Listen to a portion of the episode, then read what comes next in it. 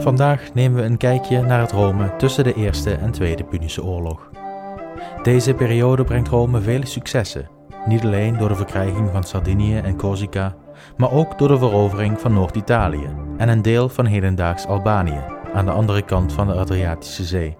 En laat dat nu net het onderwerp zijn van deze aflevering. Welkom bij aflevering 49 van de geschiedenis van het Romeinse Rijk. Interbellum, recht door zee.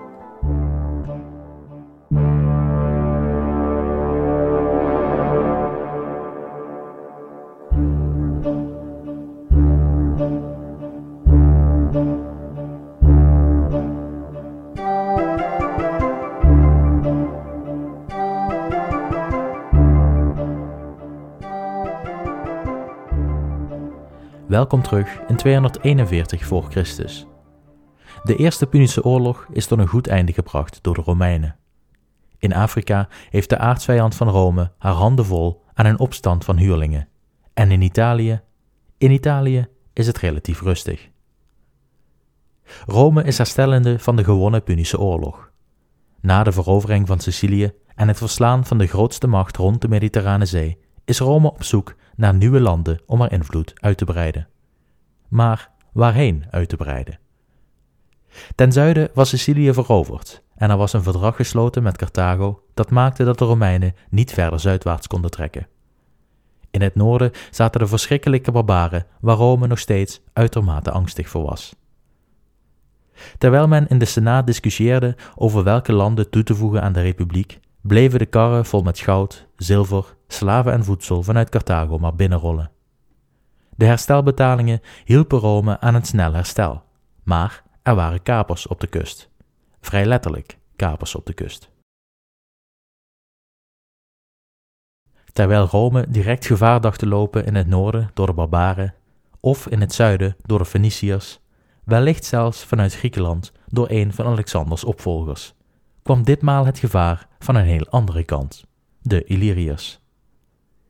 Ik geloof dat we de Illyriërs slechts eenmaal eerder hebben gehoord tijdens deze podcast, tijdens de afleveringen over Alexander de Grote. De Illyriërs maakten deel uit van een collectief aan Indo-Europese stammen levend in de Balkan, met name in hedendaags Albanië, Kosovo en Montenegro, maar ook grote delen van Kroatië en Bosnië-Herzegovina kunnen tot het leefgebied van de Illyriërs gerekend worden.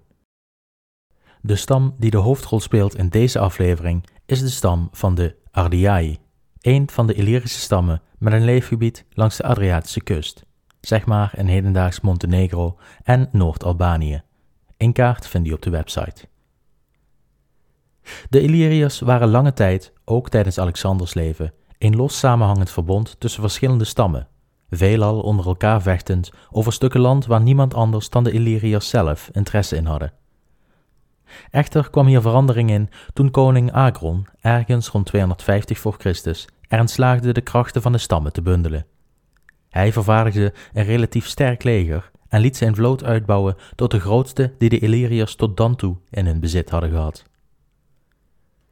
Met de neuzen dezelfde kant op en de onderlinge strubbelingen tot een minimum beperkt, kon koning Agron op zoek naar een uitbreiding van zijn macht. Zijn veroveringen zouden zuidwaarts zijn, met Epirus als slachtoffer. De succestijden van Epirus onder Pyrrhus waren voorbij. De Griekse staat was in de problemen geraakt door een crisis over de troonopvolger, waardoor de staat in twee staten uiteenviel, de een in rebellie tegen de ander. De oude hoofdstad van Epirus lag in het rebellerend gebied, en dus besloot de staat de hoofdstad te verplaatsen naar Phoenice, een stad dicht in de buurt van het land der Illyriërs.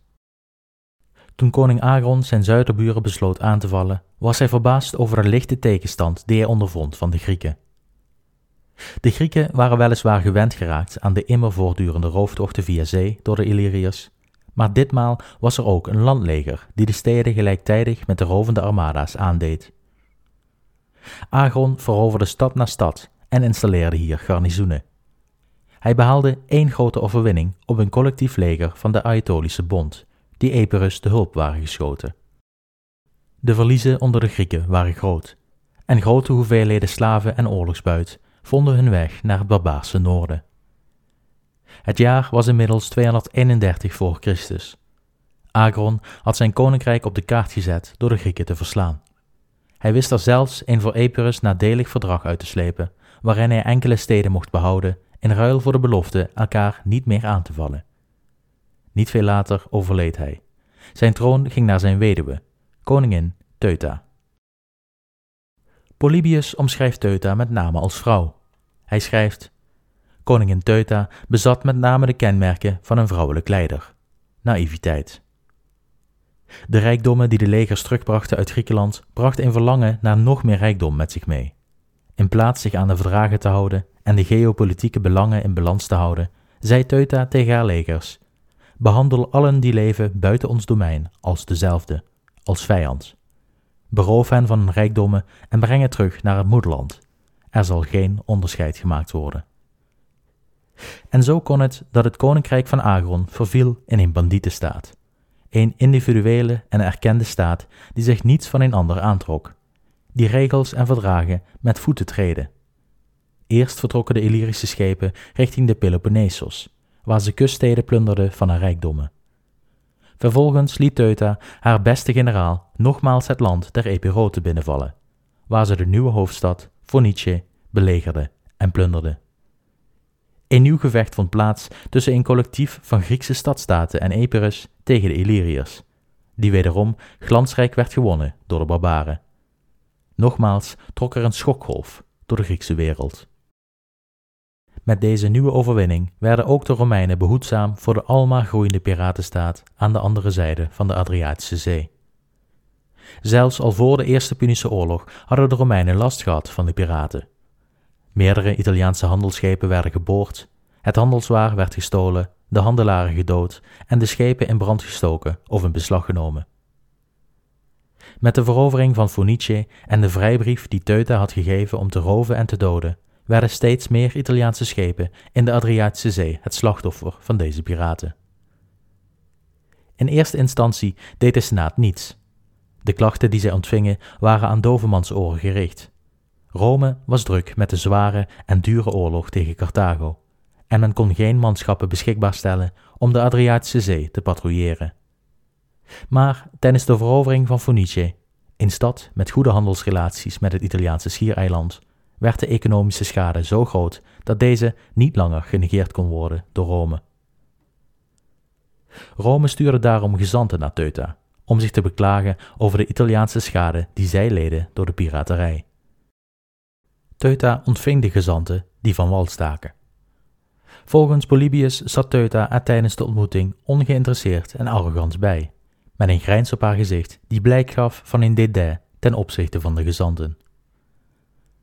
Nadat de gezanten hun preek gegeven hadden, sprak Teuta als volgt. Geen enkele koninklijke strijdmacht zal uw Romeinen of uw onderdanen schaden, maar ik kan geen einde maken aan de Illyrische traditie van het privé-ondernemen. Oftewel, publiek zal ik u niets aandoen, maar private ondernemingen, tja, dat is privé en daar kan ik niets aan doen. Een van de Romeinse gezanten nam aanstoot aan haar lakse houding en haar onwilligheid en sprak zich uit tegenover Teuta. Hij zei: O koningin Teuta, de Romeinen hebben een bewonderenswaardige gewoonte, namelijk het publiekelijk straffen van de daders van persoonlijk onrecht en het publiekelijk te hulp komen van de benadeelden. Wees er zeker van dat we zullen proberen, zo de goden het willen, door macht en kracht u te dwingen de gewoonten van de Illyriërs te doorbreken en de wil van hun koningin te herstellen. Oftewel, verander de wetten om een escalatie met Rome te voorkomen. Polybius schrijft vervolgens: Toegevend aan haar humeur als een vrouw en onbedachtzaam over de gevolgen, nam ze de openhartigheid van de Romein slecht op.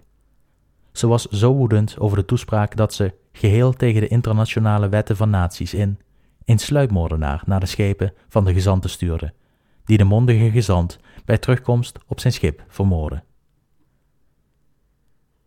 Toen dit nieuws Rome bereikte, brak er een grote verontwaardiging uit over de woedeuitbarsting van de vrouw.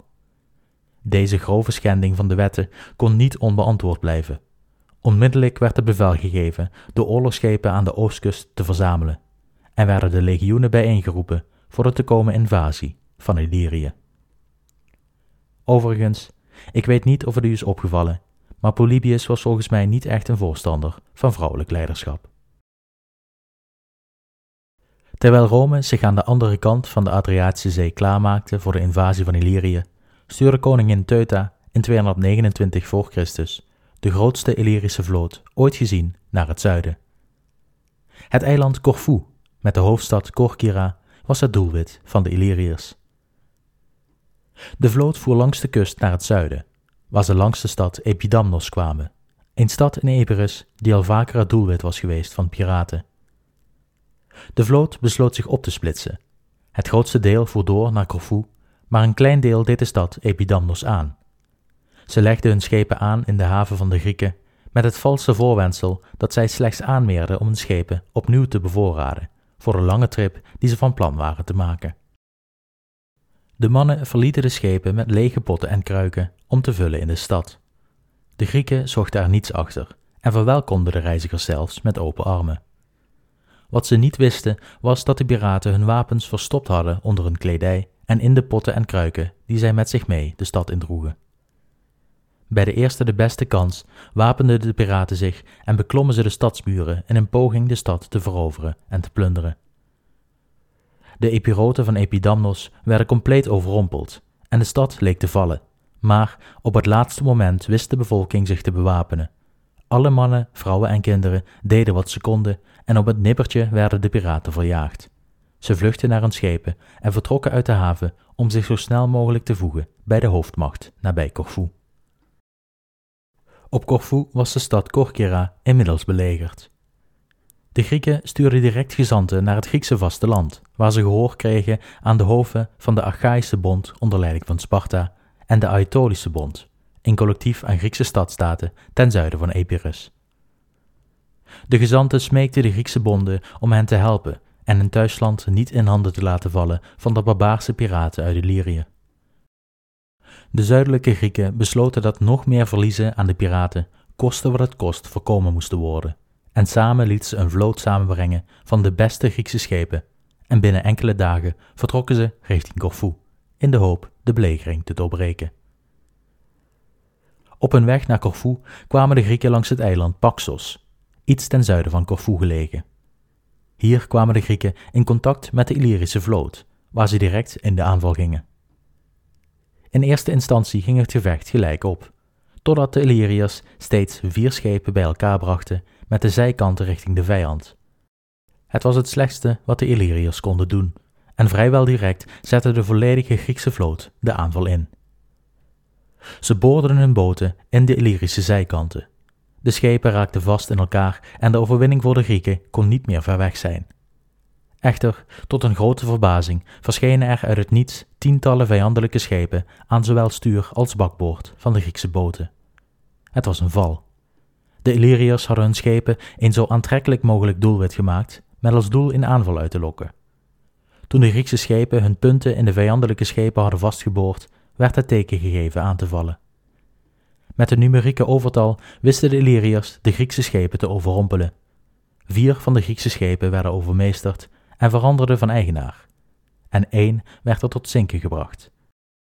Dat schip was nu net het schip van Macron van Kerinea, de eerste strategos of legeraanvoerder van de Aetolische Bond.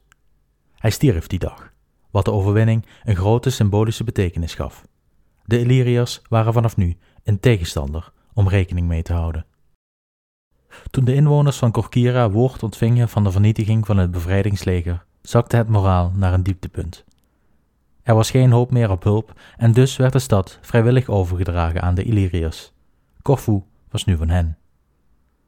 Koningin Teuta installeerde ene meneer Demetrius als regent op het eiland. Hij was een vertrouweling geweest van de vorige koning en zal in het verloop van de volgende aflevering nog een belangrijke rol gaan spelen.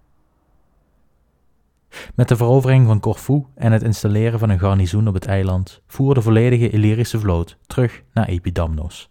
Ditmaal werden ze niet verjaagd, maar slaagden ze erin de stad te belegeren. Koningin Teuta en haar Illyriërs bezaten nu effectief de gehele kust van Kroatië tot aan Corfu.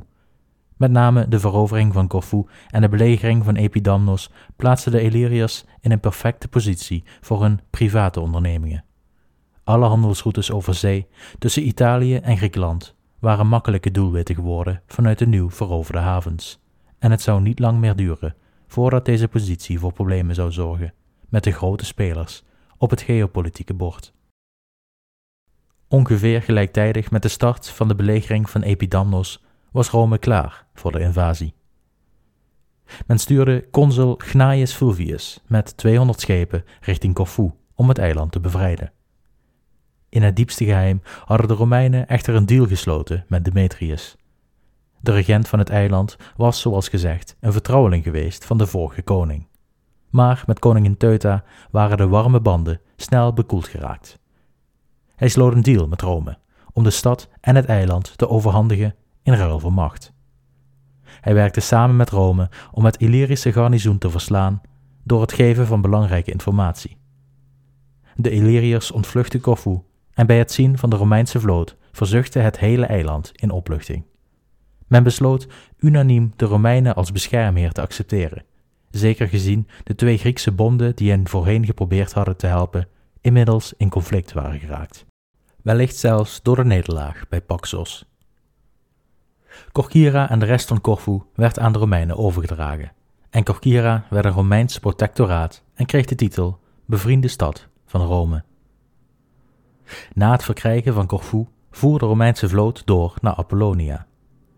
Rond deze tijd maakte de andere consul, Lucius Postumius, de oversteek met het landleger van Brundisium, hedendaags Brindisi in de hak van Italië, naar Apollonia, een Griekse kolonie precies aan de andere kant van Brundisium. Ook de steden Alhier verjoegen de Illyrische garnizoenen en gaven zich direct over aan de Romeinen, in de hoop eindelijk beschermd te zijn tegen de Illyriërs. Hierna vertrok consul Lucius Postumius met 20.000 troepen en 2000 cavaleristen naar Epidamnos om de belegering te doorbreken. De Illyriërs hadden inmiddels nieuws ontvangen van de Romeinse invasie en het naderende leger. Zo snel als ze konden pakten ze hun spullen en vertrokken ze per vloot richting het noorden. De Romeinen werden in Epidamnos met open armen ontvangen en de stad werd als protectoraat toegevoegd aan de Romeinse Republiek. Het Romeinse leger trok nu landinwaarts naar de verschillende Illyrische volkeren in het achterland. Hier ontvingen de Romeinen delegaties van vele Illyrische volkeren, waaronder de Atintani en Partini, van wie een formele overgave werd aanvaard. Op zee behaalden de Romeinen nog een overwinning op koningin Teuta, die al enkele jaren probeerde het eiland Issa te veroveren, hedendaags vies aan de zuidkust van Kroatië. De Romeinen slaagden erin haar troepen te verjagen, de blokkade op te heffen, en ook dit eiland werd aan de Romeinse Republiek toegevoegd. De Romeinse campagne in Illyrië bleek een zogenaamde landslide. Ondanks dat Teuta de Romeinen geschoffeerd had, had ze zich op geen enkele wijze voorbereid op een eventuele tegenreactie. De Romeinen veroverden alles wat ze tegenkwamen, zonder al te veel moeite. En pas toen ze dichter bij de Illyrische hoofdstad kwamen, werd het verzet heviger. De Romeinen zetten hun aanval voort en besloten met de vloot nog enkele noordelijker gelegen Illyrische steden te plunderen. Bij deze gevechten leden de Romeinen enkele verliezen, waaronder een magistraat van de Republiek en enkele militaire tribunes. Maar de opbrengsten logen er niet om. Maar liefst twintig Illyrische schepen, tot een nok toe gevuld met buit, werden in beslag genomen. Toen de Illyriërs van alle eilanden terugtrokken om zich samen met hun koningin te vestigen in de hoofdstad, besloten de Romeinen dat de Illyriërs genoeg gestraft waren. Er was genoeg bereikt en de vijandelijkheden werden stopgezet.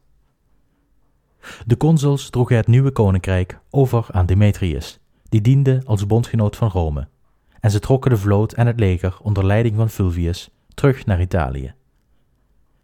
Na veertig schepen en enkele troepen van bondgenoten in het gebied te hebben verzameld, bleef de andere consul in Illyrië om de Illyriërs en de volkeren onder Romeinse bescherming te bewaken. In de winter van 228 voor Christus werd in Rome een groep gezanten van Teuta ontvangen.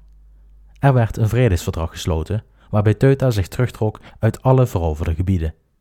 Ze mocht enkele steden houden die van oudsher van haar stam waren geweest, en ze werd beperkt in haar bewegingsvrijheid in en rond Illyrië. Aan haar werd verder opgelegd dat haar schepen nooit meer verder zuidwaarts zouden varen dan de stad Lysus, hedendaags Lesje in Noord-Albanië. Maximaal twee ongewapende schepen mochten zich tegelijkertijd ten zuiden van deze stad bevinden. Ze moest daarnaast herstelbetalingen doen aan Rome en de Romeinse Republiek erkennen als haar meerdere. Volgens een legende die tegenwoordig nog steeds verteld wordt in de stad Risen, de vroegere hoofdstad van de Ardei, pleegde Teuta niet veel later zelfmoord uit schaamte, door in de gebergte nabij de stad van een hoge klif te springen. Deze gebeurtenis wordt overigens in de oude bronnen niet genoemd. De Romeinen hadden de strategische havens van Epidamnos, Apollonia en Corcyra onder controle gekregen. In het achterland hadden verschillende Illyrische stammen nu de status van Romeins bondgenoot gekregen. En bovenal werden de Ardei, de stam tot wie Teuta behoorde, afgesloten van hun landroutes naar Epirus en belangrijker naar Macedonië, hun aloude bondgenoot in de strijd tegen de Grieken. Hiermee komen we op een heel ander onderwerp wat onlosmakelijk verbonden is met de Romeinse invasie van Illyrië. Een punt dat we tot nu toe niet besproken hebben, maar waar ik de aflevering graag mee zou willen afsluiten, omdat dit lange termijn denken van de Romeinen zo'n 50 jaren later hun hachje redt in de oorlog met Hannibal. Ik zal uitleggen waar ik op doel. Verder oostwaarts, in Macedonië, werden ontwikkelingen waargenomen door Rome die hen ongerust maakten. De nieuwe koning van Macedonië, Antigonus III, was er in tegenstelling tot zijn voorgangers in geslaagd om zijn koninkrijk op orde te krijgen. Het Macedonische land was in ferme controlerende handen van de koning en de grenzen waren veilig van vijanden. Antigonus had de macht van Macedonië doen herleven tot zwaargewicht in de regio. Het leek er steeds meer op dat hij Alexander de Grote wilde opvolgen als nieuwe koning van een nieuw te vormen rijk. Antigonus was een uitstekend legerleider gebleken, maar in tegenstelling tot zijn voorgangers besloot hij zijn fel onafhankelijke Griekse buren niet te overwinnen door middel van oorlog. Hij koos voor de diplomatieke route. Hij slaagde erin bondgenootschappen te maken met verschillende stadstaten en zelfs de Achaïsche bond. Deze uitbreiding van macht baarde Rome zorgen. Met Carthago als grote vijand in het zuiden en snel genoeg ook in het westen, zoals we binnenkort zullen meemaken, kon Rome geen vijandelijk koninkrijk aan een oostgrens gebruiken.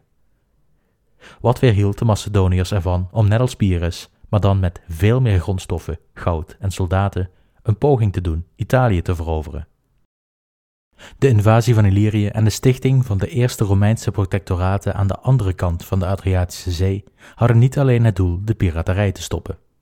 Het secundaire doel was een oogje in het zeil te houden bij de Macedoniërs en hun ambities, en het veiligstellen van een landingsbasis voor de Romeinse legers in het gebied om eventuele Macedonische agressie het hoofd te bieden. Gelijktijdig met de invasie van Illyrië stuurde Rome talloze gezanten naar het labyrint aan Griekse stadstaten, bonden en koninkrijken, om uitleg te geven over de reden van de invasie. De Grieken moesten het vooral niet zien als Romeinse agressie. De Romeinen hadden alleen maar aangevallen om de piraterij te stoppen en de Ardei in halt toe te roepen. Er was geen enkel verlangen om verder oostwaarts te trekken, en de Grieken en Romeinen zouden daarom vriendschappelijke relaties moeten aangaan. De Grieken waren maar wat blij met deze boodschap. Macedonië legde zij het vuur al decennia lang aan de schenen, en met de recente opleving van deze eeuwige vijand konden de Grieken wel een sterke bondgenoot gebruiken. Die Romeinen waren toch lang niet de barbaren die in de verhalen werden afgeschilderd.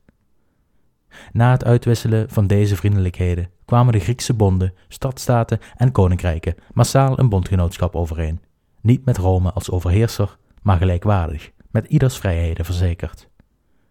Oh, en in dit geval van Macedonische vijandigheid zouden ze elkaar helpen.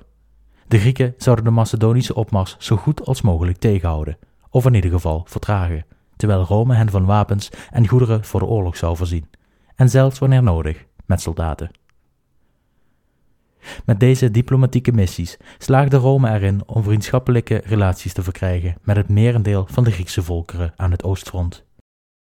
Tegelijkertijd sloot ze een soort verzekering af, een buffer tussen hen en het almaar machtiger wordende Macedonië. Deze investeringen in vriendschap betaalt zich tijdens de invasie van Italië door Hannibal in veelvoud uit, als Macedonië besluit om de oorlog te verklaren aan Rome, als de eeuwige stad al praktisch op haar rug ligt na gigantische nederlagen tegen Hannibal. De diplomatieke missies van nu voorkomen dat Philip V, de dan koning van Macedonië, zijn leger kan samenvoegen met dat van Hannibal, om een onoverwinnelijke anti-Romeinse coalitie te vormen in de achtertuin van Rome. Na het sluiten van de verdragen met de Grieken worden de Romeinen vanaf 228 voor Christus stevast uitgenodigd om deel te nemen aan de Pan-Helleense Spelen van Isthmos, een georganiseerd sportevenement waaraan sporters meededen uit de hele Hellenistische wereld. Een symbolische overwinning voor de Romeinen. Ze werden door het merendeel van de Griekse wereld dan wel gezien als achterlijke barbaren, maar het feit dat ze mee mochten doen in de Spelen betekende dat Rome's macht werd erkend in de Griekse politieke wereld. Met deze vrolijke noot zijn we aan het einde gekomen van deze aflevering.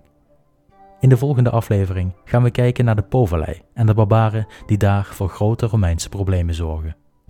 Voor nu alweer bedankt voor het luisteren en tot de volgende keer.